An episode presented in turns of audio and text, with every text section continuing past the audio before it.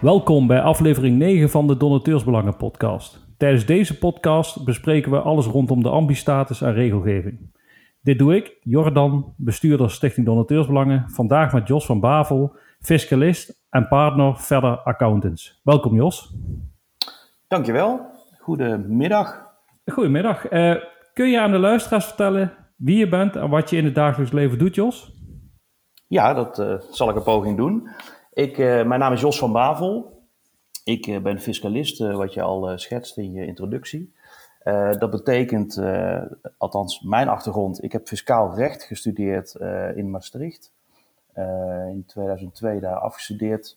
En um, vervolgens in de fiscale praktijk aan de slag gegaan. Um, waarbij ik vanaf 2007 eigenlijk onverminderd en onafgebroken de focus heb gehad, heb aangelegd op non-profit instellingen. Uh, dat zijn ja, veelal verenigingen en stichtingen. Ze hebben geen winstoogmerk. En nou ja, een groot deel van die instellingen die willen kwalificeren en of kwalificeren ook als algemeen nut beogende instellingen. Het onderwerp van vandaag. Ja, en geef hiermee aan dat je eigenlijk als bedrijf specifiek echt en alleen van non-profit werkt, of zijn er ook nog voor-profit klanten? Ja, nee, onze, onze praktijk, ik doe dat samen in een, in een gezelschap met partners in accountancy en fiscaliteit. En mijn collega's die hebben ook expertise en focus op het MKB en het, het midden- en grootbedrijf. dus mijn focus, dat specifiek voor mijn persoon, geldt voor de non-profit instellingen. Helder. Uh, nog specifieke hobby's, privéleven, wat je misschien wilt delen? Um, nou, ik heb hobby's in, uh, in koken en in tennissen. Af en toe balletjes slaan, vooral recreatief. ik woon samen en heb twee kinderen. Oké.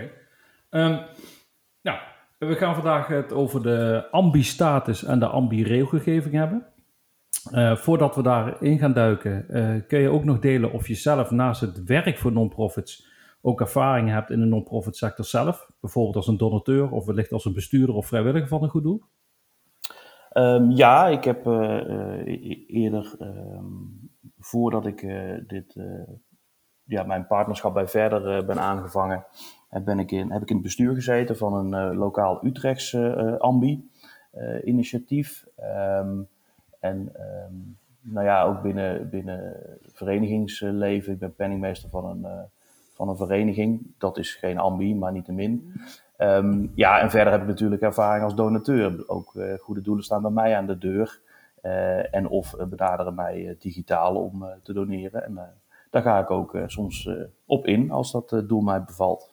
Ja, misschien komen we daar ook nog wel op terug verder in het gesprek. Maar ik denk dat uh, ja, uh, het onderwerp is specifiek uh, de ambistatus. Mm -hmm. kun, je, kun je eerst aan de luisteraars uitleggen waar de ambistatus eigenlijk voor staat en wat het eigenlijk betekent? Ja, um, ja dat, dat kan ik doen.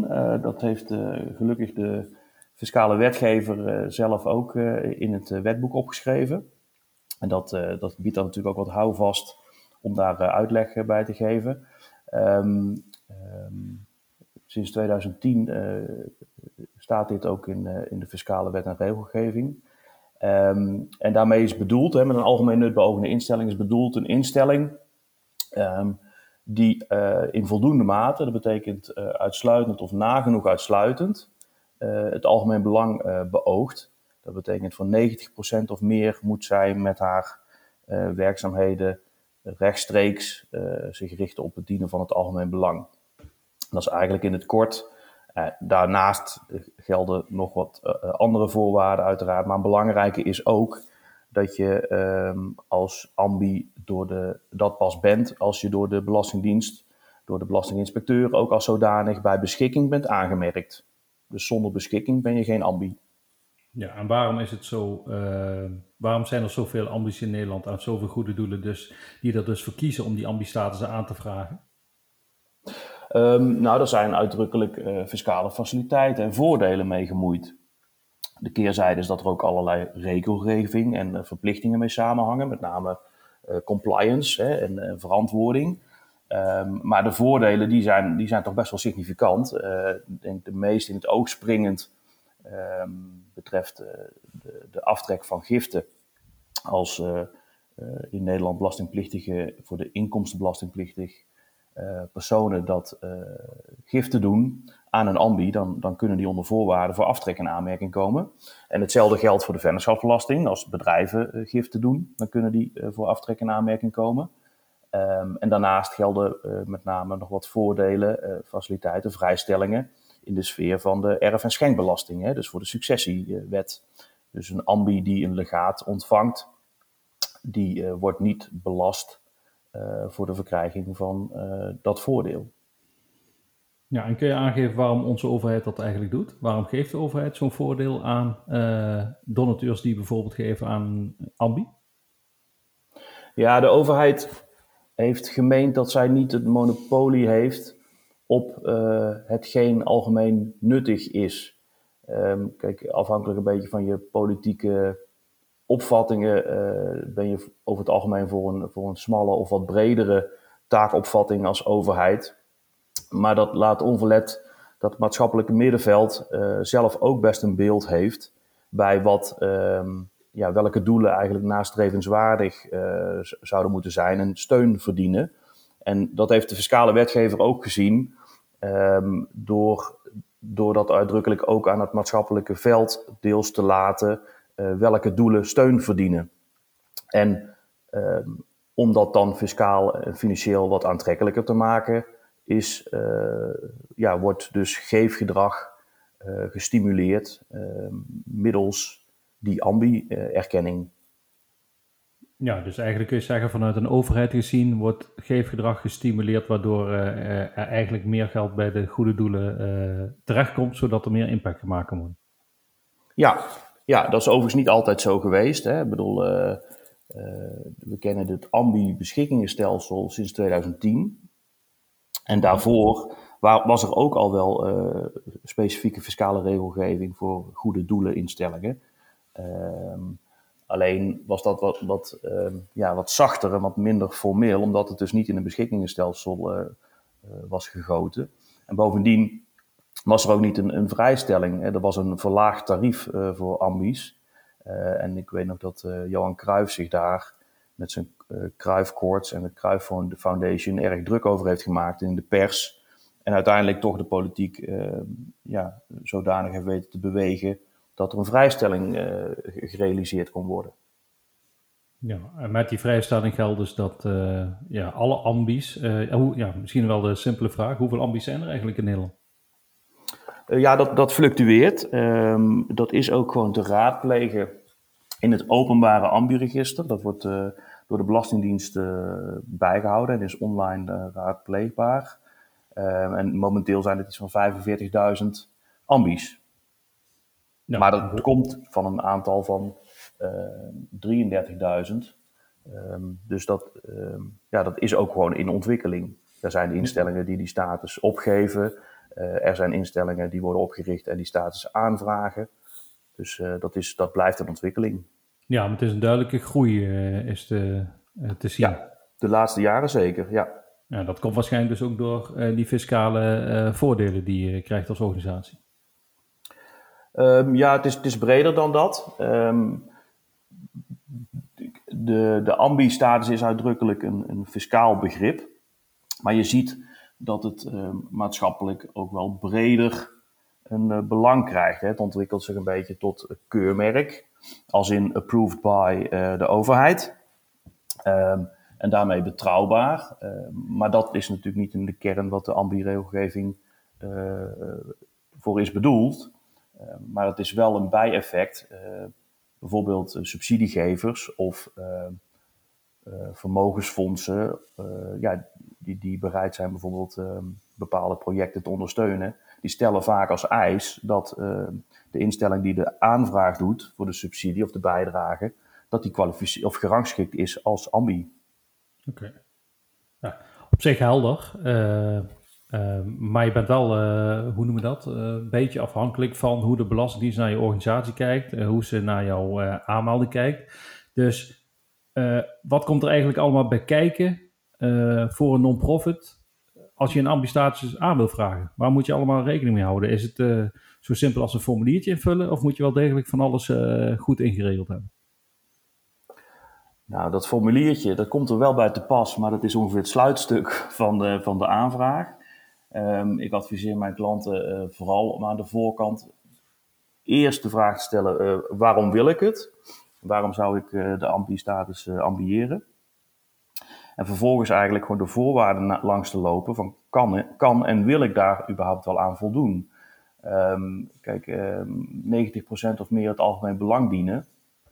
Dat betekent dat er een marginale ruimte van 10% is, van, van bijna 10% voor andersoortige uh, werkzaamheden. Um, nou, dat wordt dan klassiek als particulier nuttig uh, beschouwd. Hè? Dus uh, datgene wat je niet als instelling voor het algemeen belang doen, doet, maar wellicht uit andere, ja, vanuit een ander oogpunt.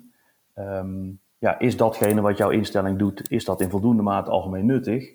En zou het ook passen binnen de categorieën die de wetgever als algemeen nuttig heeft uh, ja, uh, gecreëerd in de, in de wetgeving? Dan moet je denken aan uh, sectoren als onderwijs, cultuur, bescherming van milieu, gezondheidszorg, ontwikkelingssamenwerking, religie, volkshuisvesting. Past, past, jouw initiatief, past jullie instelling in een van die wettelijke categorieën?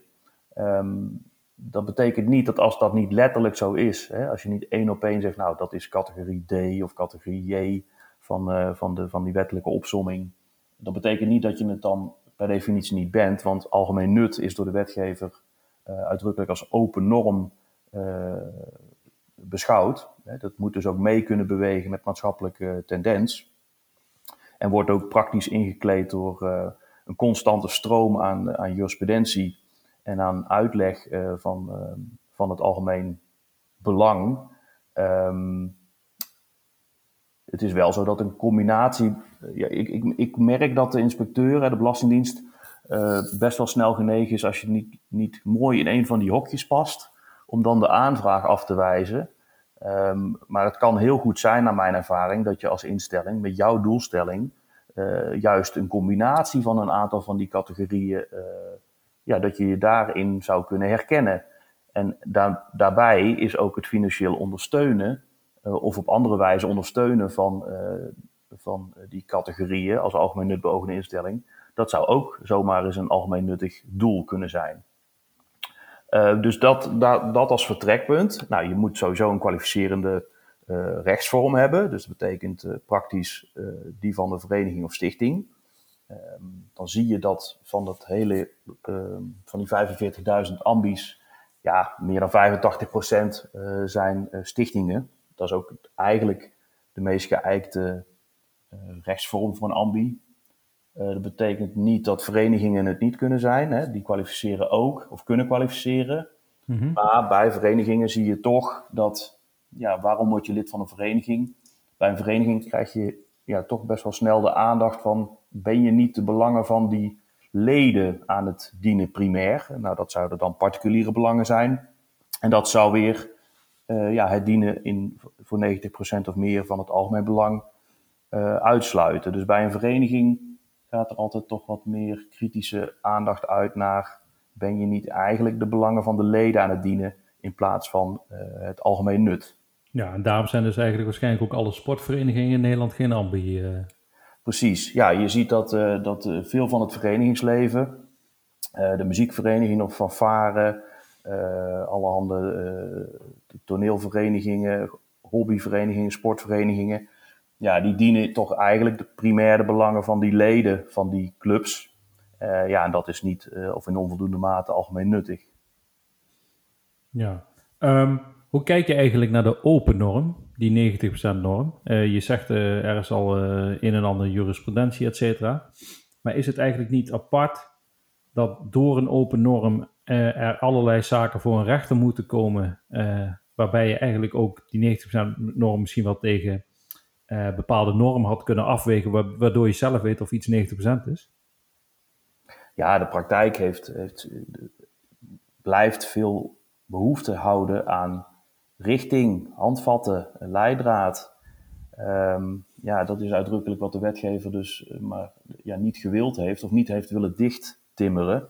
Om ook met die maatschappelijke tendens te kunnen meebewegen. Ehm, ja, het verzorgen van, hè, ik bedoel, plaats ons even in de historie een aantal eeuwen terug. Ja, dan was zorg voor, uh, voor weduwe en wezen, um, ja, dat was iets um, in de goede doelensfeer, uh, filantropie. tegenwoordig hebben we al een sociaal vangnet, hè, of in meer of mindere mate althans, een soort bestaansminimum, wat, wat we van de overheid verwachten. En het is een beetje langs die lijn dat, dat ook de toekomst, in de toekomst niet moet worden uitgesloten. Dat bepaalde ontwikkelingen uh, toch uh, als algemeen nuttig worden uh, beschouwd. En je ziet dat, ehm, ja, ik, ik, ik, verwacht de wetgever, de overheid loopt hier eigenlijk altijd achter. Dus die, die norm, die open norm, die moet mee kunnen bewegen van met hetgeen het maatschappelijke middenveld als algemeen nuttig beschouwt. Dus ja, Um, ik snap die behoefte, die, die voel ik ook. Um, maar dat blijft gewoon praktisch ingekleurd worden door, uh, door jurisprudentie, uh, vrees ik. En de, ik geen enkel signaal dat de wetgever, uh, de beleidgever hier met nadere concrete invulling zou willen komen. Ja, maar dat betekent eigenlijk wat je zegt, als er bepaalde werkzaamheden algemeen, in het algemeen belang zijn, dus algemeen nuttig, en ze voldoen nu niet aan de ambistatus zijn eh, het wordt meebewogen, zeg maar, uh, waardoor het eigenlijk wel uh, algemeen nuttig wordt ervaren. Maar, maar dat wordt dan misschien niet vanuit een belastingdienst bepaald. Dat kan alleen via een rechter afgedwongen worden. Totdat één organisatie dat voor elkaar heeft gebokst, dan geldt dat andere ook waarschijnlijk algemeen nuttig zijn. Of geldt dat de Belastingdienst zelf ook wel degelijk bepaalde organisaties die eerst niet als algemeen nuttig werden beschouwd, opeens wel als algemeen nuttig beschouwd. Nee, het, is, uh, het, is, het, ligt primair op de lijn van de, van de instelling, hè, van de stichting, vereniging, om de ambi-aanvraag uh, te realiseren. Je zult niet uh, op voorspraak of op initiatief van de Belastingdienst die, die, die status verleend krijgen, omdat er een beweging of rechtspraak is die in de richting of in het voordeel van jouw doelstelling en jouw instelling beweegt. Dus je moet daar zelf uh, scherp op zijn. Ja, dat begrijp ik. Maar stel dus, uh, je bent een zorginstelling die, ja, waarbij alle de grootste zorginstellingen geen ambi-status verkrijgen. de vraag is of dat nu het geval is, maar stel het is zo. Mm -hmm. um, en je wil die ambi-status verkrijgen en je vraagt de ambi-status aan en hij wordt bijvoorbeeld afgewezen. Dan wacht jou, zover ik het begrijp, niks anders dan een bezwaar indienen. Ja. Als dat bezwaar ongegrond wordt verklaard, dan zul je dus naar de rechter moeten om uh, te horen of jouw uh, werkzaamheden onder het algemeen nut slash algemeen belang vallen. Ja, ja dat is uh, dat, precies. Dus zo, zo is het. Um, en dit is ook een, een, een voorbeeld wat je schetst, zoals het ge, gegaan is historisch met betrekking tot de praktijk van de volkshuisvesting. Mm -hmm. de woningcorporaties, of er was althans één woningcorporatie en de, en de adviespraktijk die vond dat overigens ook, maar niettemin die woningcorporatie heeft dit uitgeprocedeerd en de Hoge Raad heeft in uh, 2012 of 13, uh, meen ik dat het was, bevestigd dat, dat de taak van volkshuisvesting een algemeen nuttige taak uh, was. Um, vervolgens is dat gecodificeerd in wetgeving, is dat een nadere categorie, categorie geworden van, van algemeen nuttige sector, zo gezegd. Um, maar het is wel daarna aan al die woningcorporaties voor zich om die ambistatus dan eh, te realiseren en een beschikking aan te vragen. Ja, en zoals je aangeeft moet je eerst voor jezelf dus als organisatie eh, bepalen of je wel of niet een ambi-status wil bereiken of halen. Mm -hmm. uh, dus als uh, ambi te boek wil staan, nou stel je wil dat, dan doe je dus een aanvraag. Um, we hebben al wat regels gehoord nu van je, waaronder die open norm. Je moet 90% uh, voor het algemeen belang bezig zijn. Um, ik, ik, ik, denk niet dat je het ge, gemeld hebt nog, maar ik denk dat iedereen dat op zich wel weet, dat je in ieder geval een organisatie zonder winstoogmerk moet zijn, zoals je al aangaf, stichtingen, verenigingen. Uh, ja, nee, er zijn, er zijn nog wat meer regels inderdaad. Um, je vroeg, ja, wat komt er nog allemaal bij kijken om, het, om die status te verkrijgen? Um, ja, de, de drie belangrijkste um, die ik mijn klanten en relaties altijd voorhoud, is um, uh, een correcte inrichting van je statuten, mm -hmm. hè, ofwel ook wel interne regelgeving. Uh, daarin moet minimaal verwoord zijn dat een winstoogmerk ontbreekt. en er moet ook iets bepaald zijn omtrent de bestemming van een liquidatiesaldo. Stel dat de stichting of vereniging wordt geliquideerd, waar vloeit dan eventueel een batig restant aan financiële middelen? Waar komt dat aan toe? Um, dat moet uh, langs ja, bepaalde formulering uh, in de statuten vervat zijn. Um, en alleen maar het verweer, hè, we zijn een stichting, we hebben dus geen winstoogmerk, of we kunnen het niet anders besteden dan voor de doelstelling van ons doelvermogen ja, daarmee kom je er niet. Het moet echt letterlijk in je interne regelgeving, in je statuten verwoord staan dat je geen winstoogmerk hebt. Ja. Um, daarnaast ook belangrijk is het hebben van een actueel beleidsplan. Mhm. Dus je zult moeten aangeven en op schrift moeten stellen. Um, ja, hoe ga jij dan als instelling je doel bereiken? Welke middelen zet je daarvoor in? Welke werkzaamheden wil je uh, daarvoor uh, verrichten? Hoe werf je die middelen? Hoe ga je die gelden dan verkrijgen? Hoe beheer je die inkomsten of het vermogen wat je hebt? Uh, welke kosten vind je daar dan in aanvaardbare of in relatie toestaan? En ja, hoe en waaraan ga je die middelen dan besteden? Dat, dat, um, ja, dat kan ik echt niet genoeg benadrukken dat dat beleidsplan, dat, ja, dat vormt het, voor, het voornemen, eigenlijk verwoordt het voornemen van hoe, hoe ga je nou als instelling je doelen bereiken. Um, ja, dat moet, dat moet uh, toetsbaar zijn. En dan vervolgens achteraf krijg je ja, de verplichting uiteraard om een correcte verslaglegging uh, vast te leggen in jaarstukken en, en, verantwoording. Bijvoorbeeld ook in de wijze waarop je de publicatieplicht als ambi uh, moet voldoen. Kun je uitleggen wat dat precies betekent, die publicatieplicht? Um, je moet als ambi ja, een bepaalde mate van transparantie betrachten. De gedachte van de wetgever is, ja, je, we, brengen fiscale faciliteiten op. Um, dan hoort daar ook bij dat, dat die middelen die we, die we gefaciliteerd bijeenbrengen, dat jij als instelling, als ambi, uh, verantwoording aflegt over de wijze waarop die dan ten goede zijn gekomen aan het algemeen uh, nut. En die publicatieplicht, ja, dat moet je binnen zes maanden na omkomst van je boekjaar, nou vaak is dat gewoon het kalenderjaar, dus dat betekent voor eind juni um, ja, moet je die publicatieplicht uh, invulling geven. En dat betekent weer dat je via, op internet, op het bijvoorbeeld Ambi-portaal of op je eigen website, URL als, als instelling, dat je daar ehm, verantwoording aflegt over de wijze waarop je ja, de, de, geldstromen zijn aangewend, wat er binnen is gekomen, wat er uit is gegaan.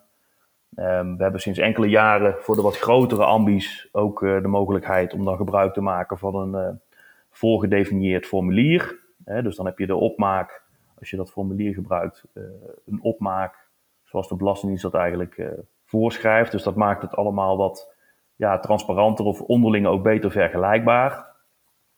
want het idee is dat, dat het geïnteresseerde publiek die overweegt, hè, de donateur die overweegt om zijn euro aan de ene instelling te geven dan wel aan de andere instelling, ja, dat die ook kan vergelijken uh, welk beleid heeft zo'n instelling. Dat is dan meer het beleidsplan.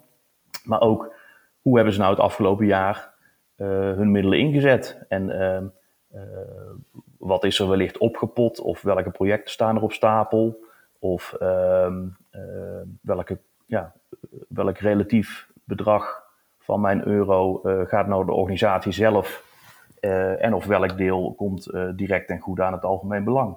Ja, ik vind het heel interessant wat je nu noemt. want eigenlijk geldt dat wat je nu aangeeft met het standaardformulier komen er dus standaard waardes bij de Belastingdienst binnen. Uh, maar de Belastingdienst op dit moment biedt, voor zover ik het weet, alleen een zoekfunctie waarop je op basis van naam of woonplaats kunt achterhalen of een organisatie een ambi-status heeft, ja of nee. Is het niet juist... Ja, als, is je het zegt, niet, als, ja? als, je zegt, die, die, die uh, informatie komt bij de Belastingdienst binnen, dat, dat is niet zo. Het is niet een vorm van aangifte.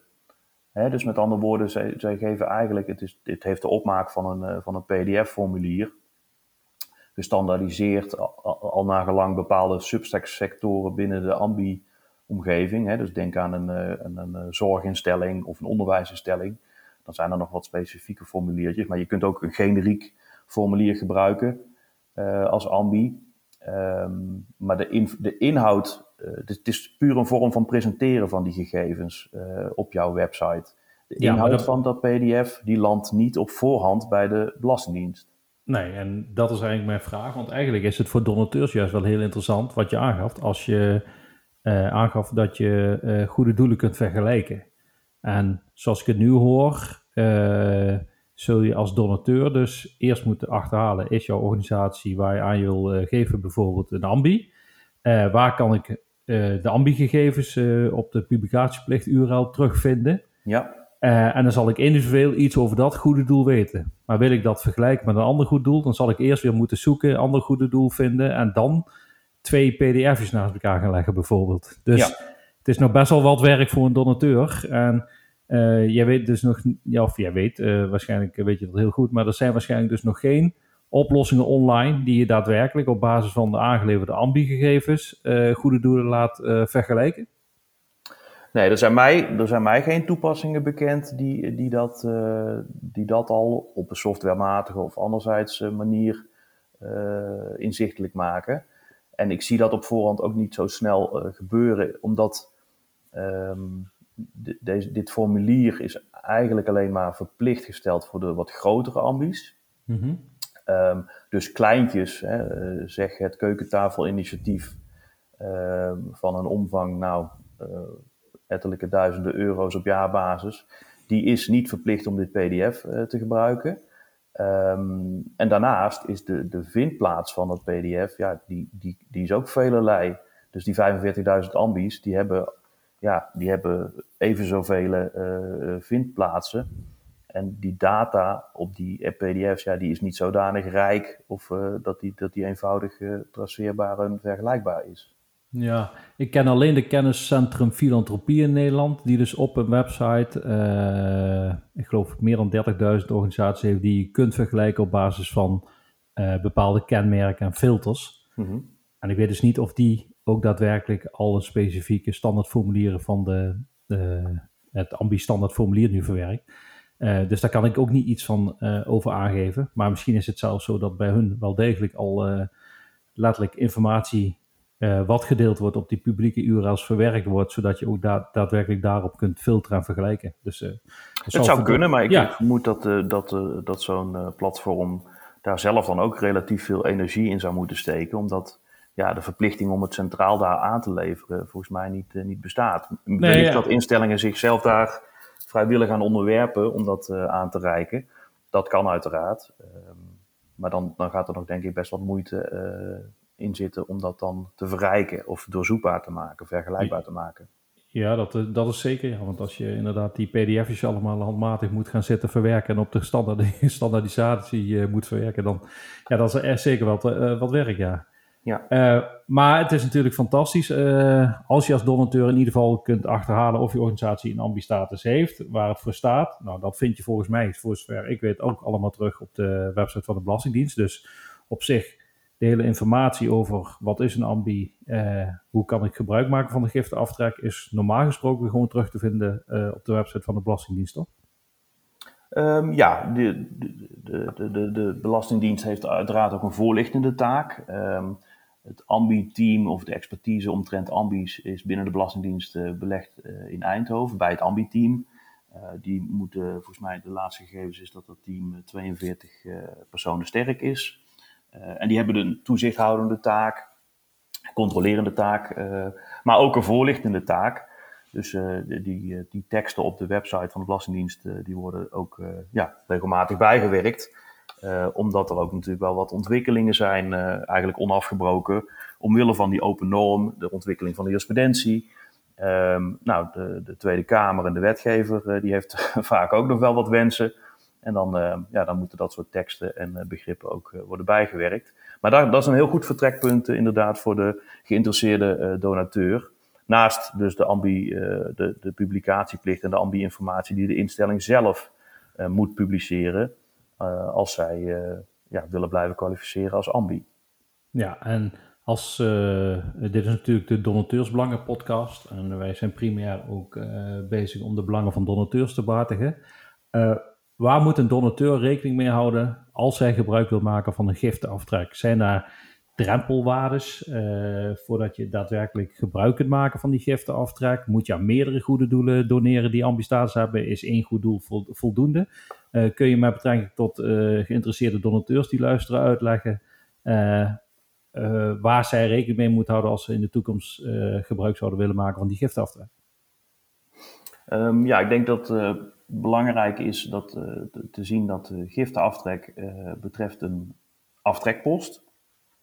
Um, en de bewijslastverdeling in, de, in de fiscaliteit, die is zodanig dat als jij een aftrekpost claimt, dan wordt van jou verwacht dat je daar het bewijs ook voor hebt. dus het advies moet altijd zijn als je een aftrekpost claimt, dat je de gemoeide bewijsmiddelen ook bewaart en voorhanden hebt.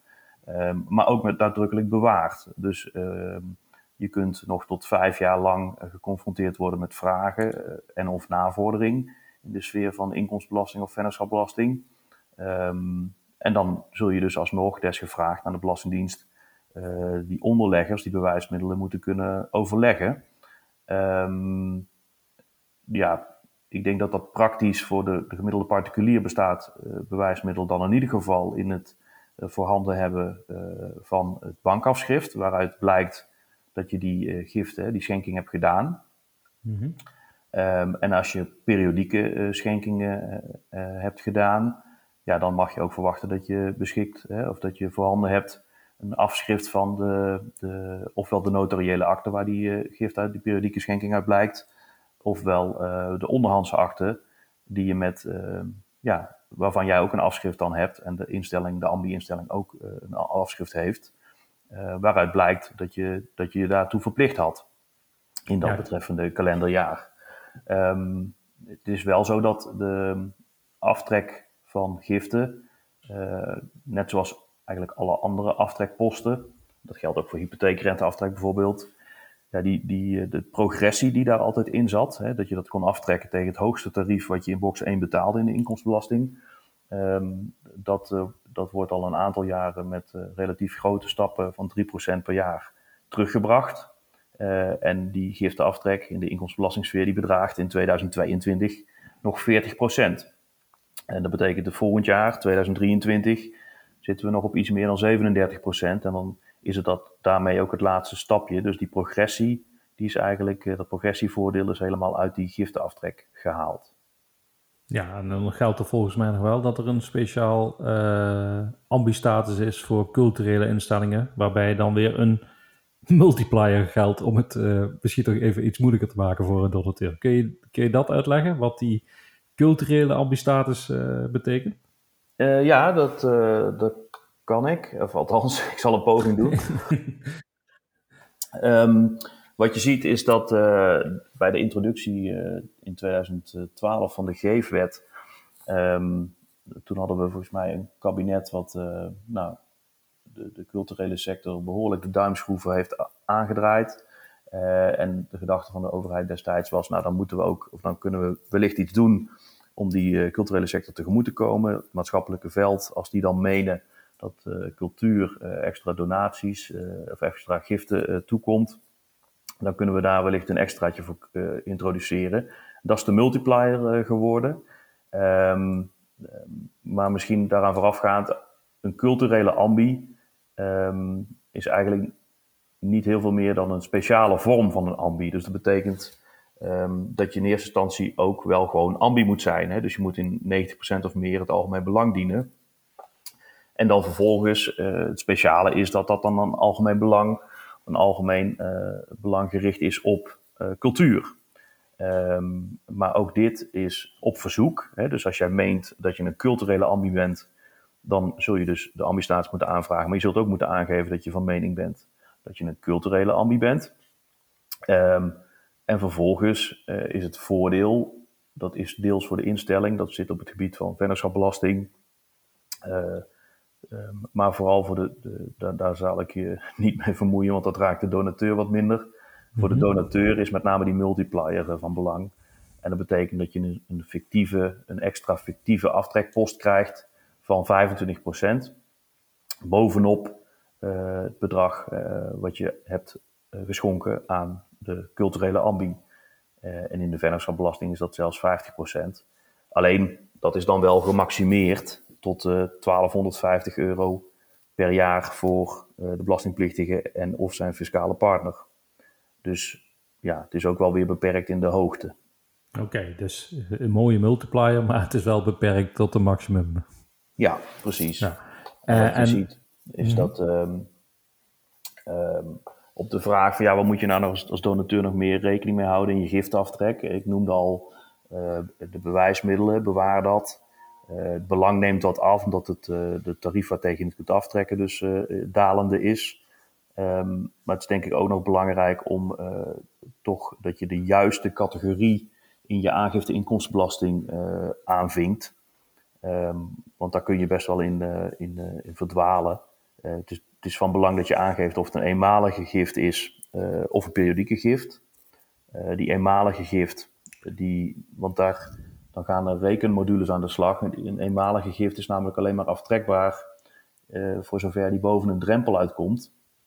Van minimaal 1% van je, van je drempelinkomen of 60 euro. En maximaal 10%. dus er zit ook een plafond waarbinnen die uh, drempel, waarbinnen die gift zich beweegt, althans voor aftrek en aanmerking komt. En daarboven komt hij dus niet voor aftrek en aanmerking, tenzij die periodiek is. Mm-hmm. En daar gaat ook wat in wijzigen richting 2023.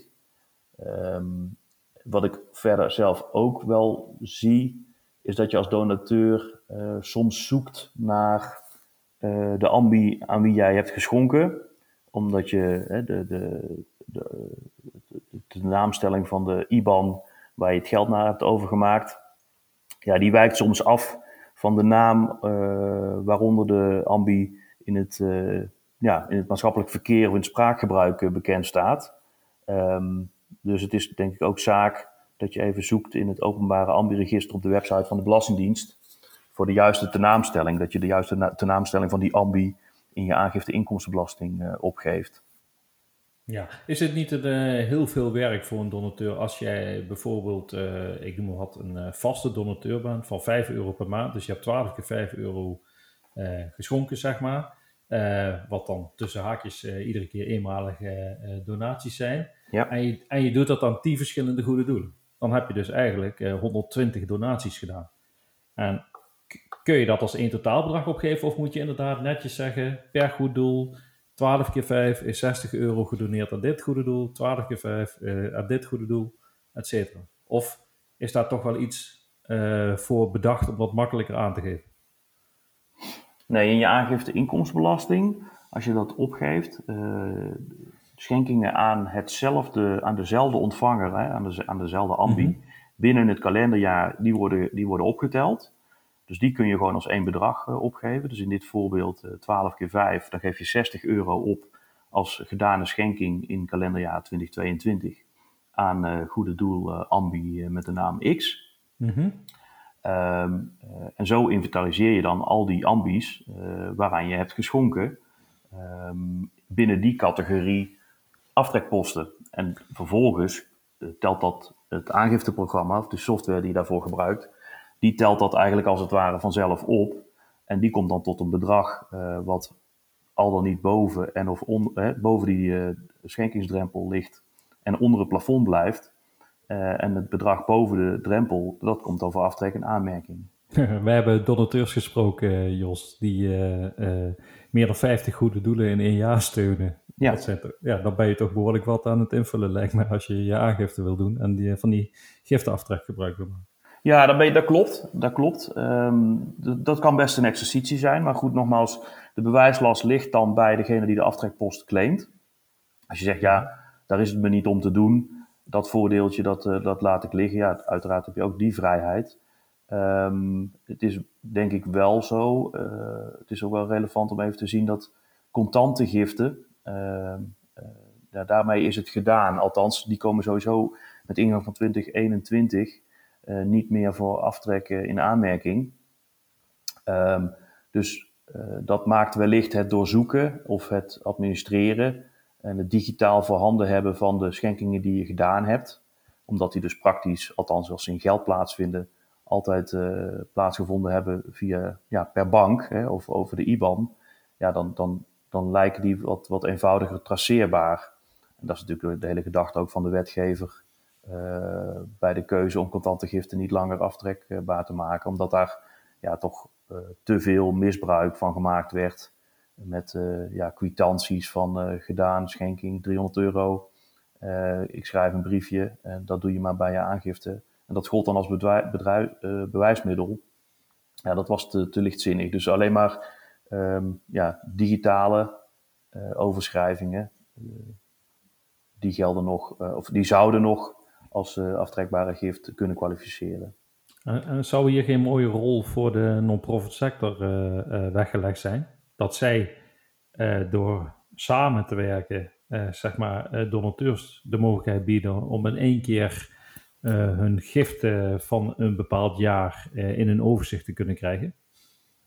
Of zeg je van op zich, zoveel werk is het niet voor een individuele donateur. Hij moet iets doen om voor die giften aftrekken te komen. Eh, om zoiets op uh, poten te zetten, zeg maar, vanuit de non-profit sector, zou veel te veel werk zijn.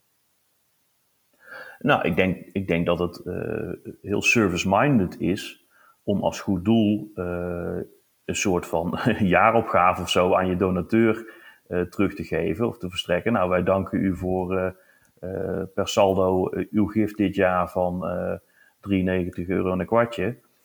ja, daarmee ontzorg je in zoverre natuurlijk de donateur ook Ehm, maar ik denk wel dat het belangrijk is om te zien dat dat de donateur die die 93 euro en een kwartje zou willen opgeven als aftrekbare gift, niet ontslaat van het uh, toch voorhanden hebben van al die bankafschriften die cumuleren tot 93 euro en een kwartje.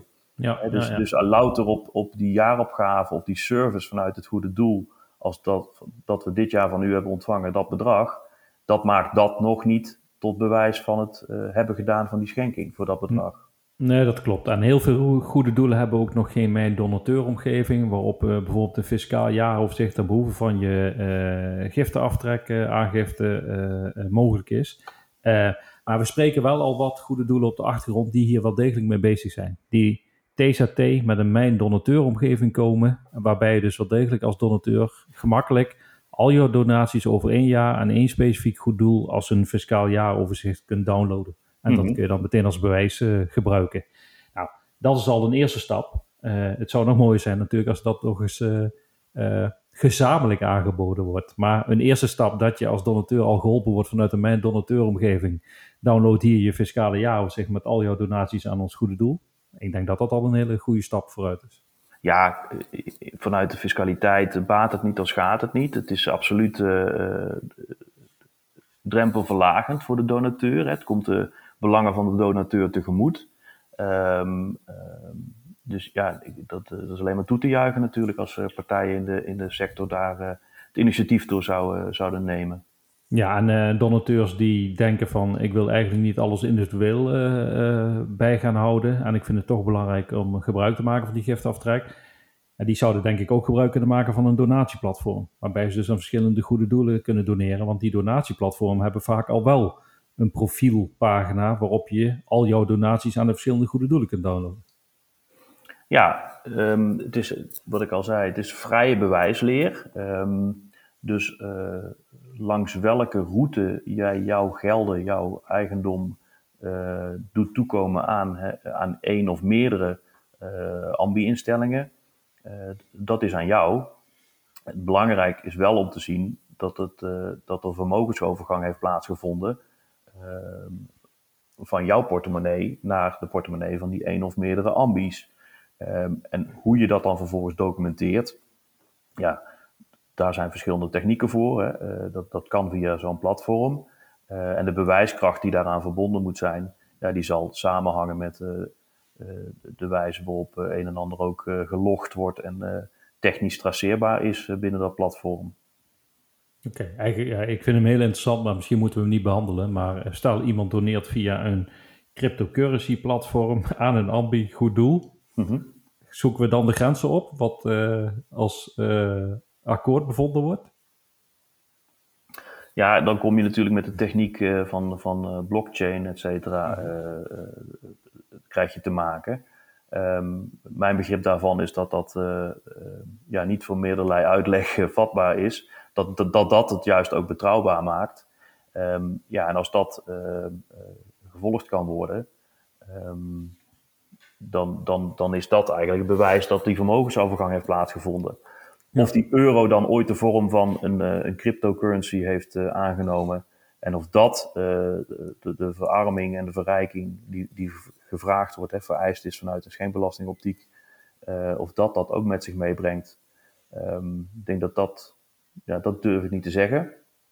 Maar die blockchain die, die garandeert um, dat mijn portemonnee verarmt en die van de ambi verrijkt, ja, dat, uh, dat lijkt mij een afdoende bewijsmiddel. Ja, ja ik denk het ook, ja. Um, maar dit zijn wel uh, specifieke gevallen waar, waarbij je nieuwe innovatieve mogelijkheden ziet uh, om te geven, die je wel voor bepaalde ja, vragen kunnen, of die voor bepaalde vragen kunnen zorgen natuurlijk. Ja, zeker. En daar zie je dat, dat, dat uh, maar dat geldt uh, in algemene zin, de wetgeving, fiscaal of civiel, maar de wetgeving eigenlijk altijd achterloopt op, uh, op, op technisch, technische ontwikkelingen, maatschappelijke ontwikkelingen. Um, en ja, vaak moet daar dan, en dat is dus met enige onzekerheid ook omkleed omtrent de fiscale uitleg daarbij. Um, ja, dat moet dan vaak uitgekristalliseerd worden in rechtspraak, helaas. Ja, nou, ik denk dat donateurs nu wel uh, genoeg informatie hebben over uh, wat komt er allemaal bij kijken bij de giftenaftrek. Uh, in het begin van het, de podcast gaf je ook aan dat de ambi-status meer en meer als een keurmerk wordt gezien, zonder dat het eigenlijk een keurmerk is. Het is een fiscaal stempel. Mm -hmm. in, in Nederland hebben we natuurlijk het CBF, die toezicht op goed doen nastreeft. En binnen de zelfregulerende non-profit sector eigenlijk uh, keurmerken, CBF-erkenningen verstrekt naar goede doelen die zich vrijwillig laten toetsen. Uh -huh. Nou, zij toetsen dus organisaties op, uh, uh, klopt alles binnen de organisatie, is er goed bestuur, zijn de financiën op orde, et cetera. Um, zijn er ook binnen de ambi punten met betrekking tot integriteitseisen, zodat je zelfs op basis van de ambi-status kunt zien of een organisatie een en ander goed op de rit heeft? Um, ja, er zijn, er zijn binnen de ambi-status een aantal um, um, ja, criteria eigenlijk gecodificeerd. Uh, voorwaarden gesteld aan, aan die ambi-status. zo mag het bestuur van een ambi niet uh, voor bepaalde misdrijven zijn uh, veroordeeld dat zou het, eh, het, vertrouwen in een ambi en in dat bestuur natuurlijk uh, in te grote mate uh, schade. Ja, dit zijn al ontwikkelingen die, die in een latere fase, of in ieder geval na 2010, na 2008, na de introductie van die ambi in het beschikkingsstelsel, allemaal nog aanvullend in de wet zijn gekomen. Um, ja, vooral gebaseerd volgens mij op ja, toch incidentenpolitiek hè, of ambies die, uh, die met een dergelijk bestuur of dergelijke gedragingen en veroordelingen te maken hebben gekregen. Um, ja, dan krijg je natuurlijk uh, de vraag in de Tweede Kamer. Staatssecretaris, wat vindt u daar nou van? En uh, zou de ambistatus dan niet ontnomen moeten worden? Nou ja, goed, dat is inmiddels dan in de wetgeving vervat. Dus daar zie je ook wel dat, ja, dat, dat de deelnemers in de gremia van bestuur en toezicht van een, van een ambi-instelling ja, die moeten wel van een bepaald onbesproken of toch in ieder geval niet uh, veroordelenswaardig uh, gedrag zijn.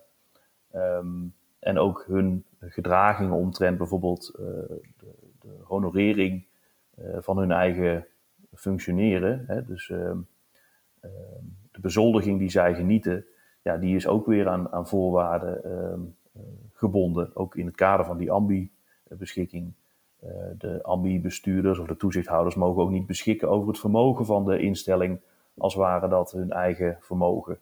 Uh, dit moet niet een hobbyprojectje zijn. Nee, dat moet er natuurlijk in een voldoende mate onafhankelijk uh, op toegezien worden dat, er, dat het doel, het algemeen nut en het goede doel wordt gediend. Ja, maar kun je hierdoor eigenlijk zeggen dat los van het fiscaal stempeltje met de voordelen voor giftenaftrek, et cetera, dat er wel degelijk ook uh, bepaalde uh, zaken binnen de ambi geregeld zijn, uh, waardoor je als donateur ook meer zekerheden hebt. En waarbij je misschien zelfs wel kunt zeggen van, de Belastingdienst is met betrekking tot de non-profit sector misschien een echte officiële toezichthouder? Ja, ik, ik, denk dat een instelling die, die als ambi gerangschikt is, die, die de beschikking heeft, daar, daar kun je als, als donateur zeker wel ja, meer vertrouwen aan ontlenen dan dat het een, een stichting zonder die status of een vereniging zonder die status zou zijn. Um, dan moet je bij dat toezicht, of dat nou door de, door de Belastingdienst of door het CBF is, ook niet voorstellen dat dat, die zitten natuurlijk niet naast, dagelijks naast, naast de bestuurder of toezichthouder van die instelling zelf. Dus dat is toch op enige afstand. En zelfs als je aan de publicatieplicht voldoet, um, maar, en, en op grond van die publicatieplicht vragen gesteld zouden kunnen worden bij um, nou, de anti-oppot uh, uh, vereisten. Vormt deze instelling niet te veel vermogen zonder dat dat toch op korte termijn of binnen afzienbare termijn toekomt aan het algemeen nut. Ja, die, als je, die vraag kun je natuurlijk stellen aan de hand van die publicatieplicht.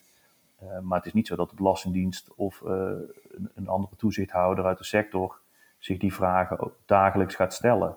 Dat zal met name toch uh, op grond van signalen. De Belastingdienst heeft een, het ambiteam heeft ook een kliklijn, begrijp ik.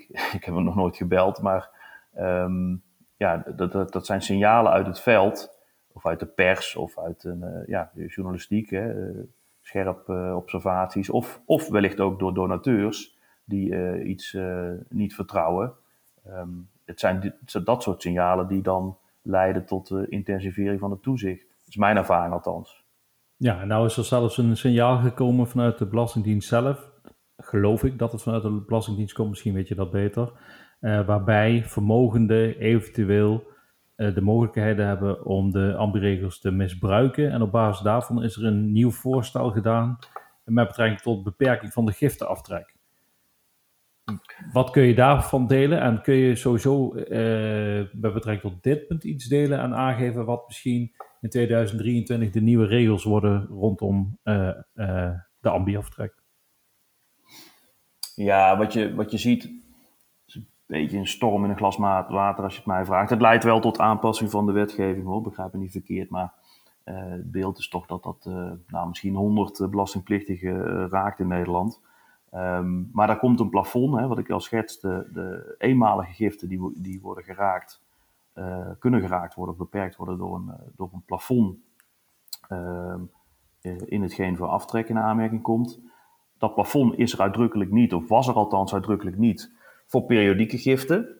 En dat maakte ook uiteraard periodieke giften uh, door nou, over het algemeen zeer vermogende of nou, geslaagde ondernemers, die meestal postondernemerschap uh, ja, ook zich wilde inzetten voor algemeen belang, maatschappelijk gewenste ontwikkelingen.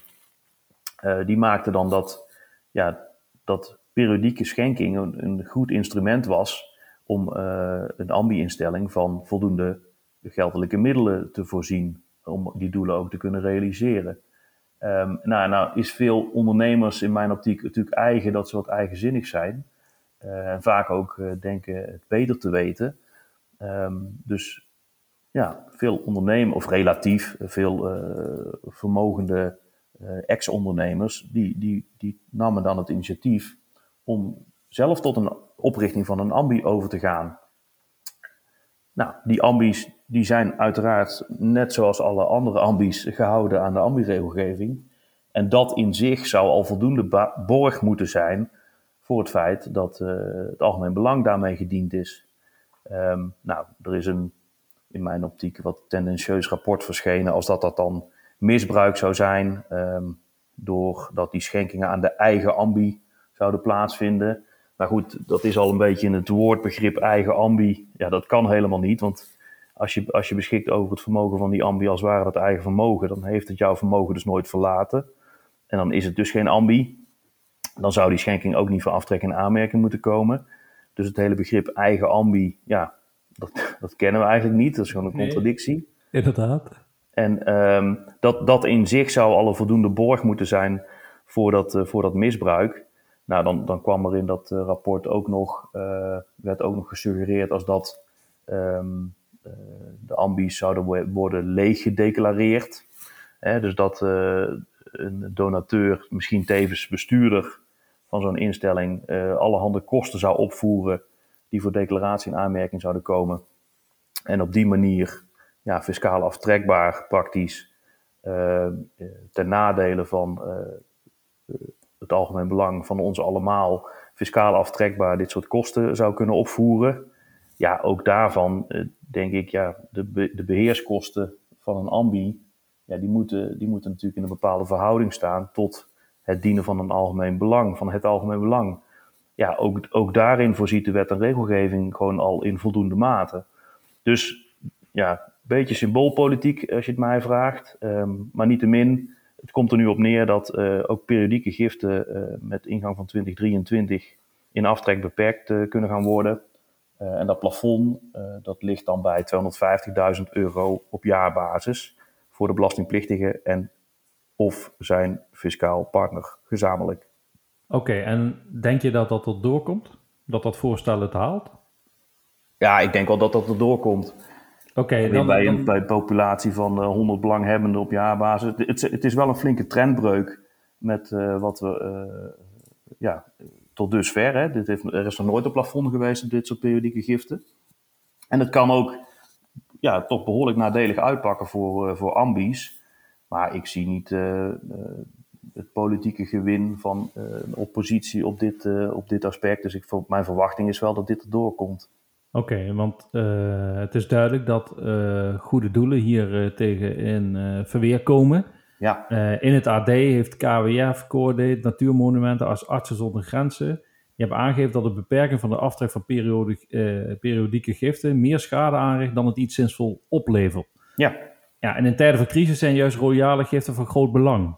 Ja. En daarmee hebben ze eigenlijk het kabinet opgeroepen om die maatregel in te, eh, te trekken. En dat is natuurlijk de lobby uh, om te proberen om die uh, maatregel tegen te houden. Maar ondanks die lobby verwacht je dus eigenlijk wel dat die uh, maatregel waarschijnlijk er doorheen gaat komen.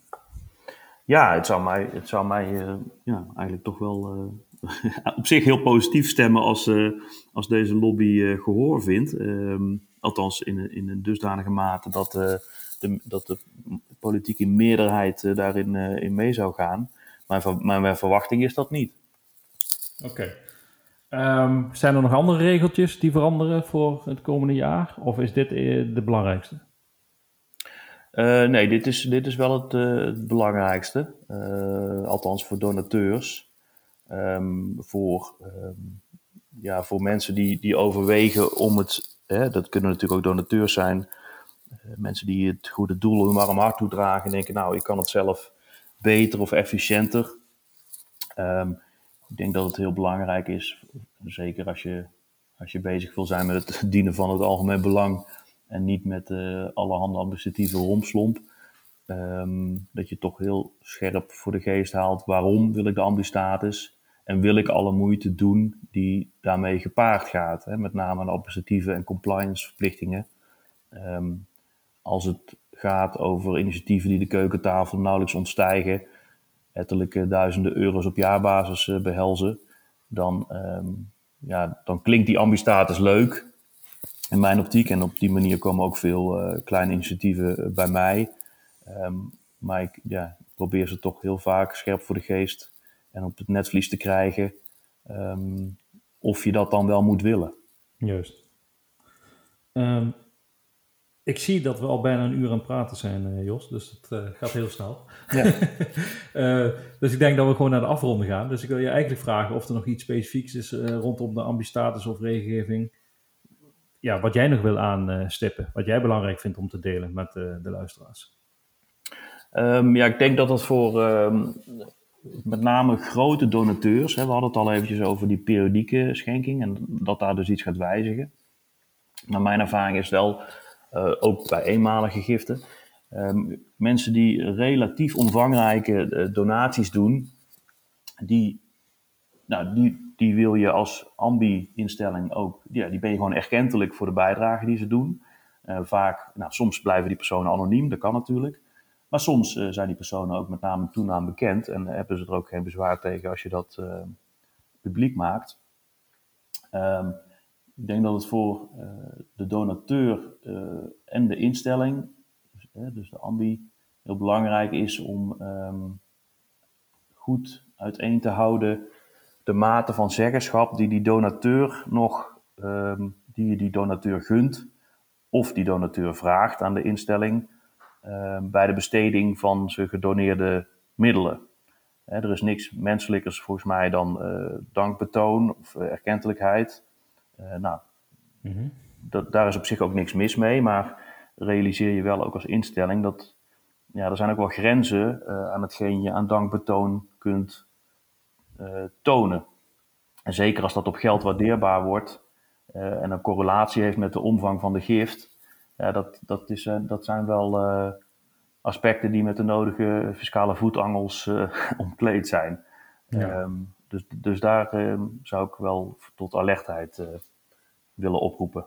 Oké, helder. ik wil jou Jos in ieder geval bedanken voor jouw kijk op de non-profit sector en dan specifiek met betrekking tot de ambi-status en de ambi-regelgeving. Bedankt daarvoor. Nou, heel graag gedaan. De Donateursbelangen podcast edities bestaan uit gesprekken over onderwerpen die spelen in de non-profit sector in Nederland. Voor meer informatie of eerdere aflevering ga naar donateursbelangen.nl slash podcast. Wil jij of jouw organisatie bijdrage leveren omdat jullie een interessant onderwerp hebben met betrekking tot de non-profit sector en of donateursbelangen in het bijzonder? Neem dan contact met ons op. Tot de volgende Donateursbelangen podcast aflevering.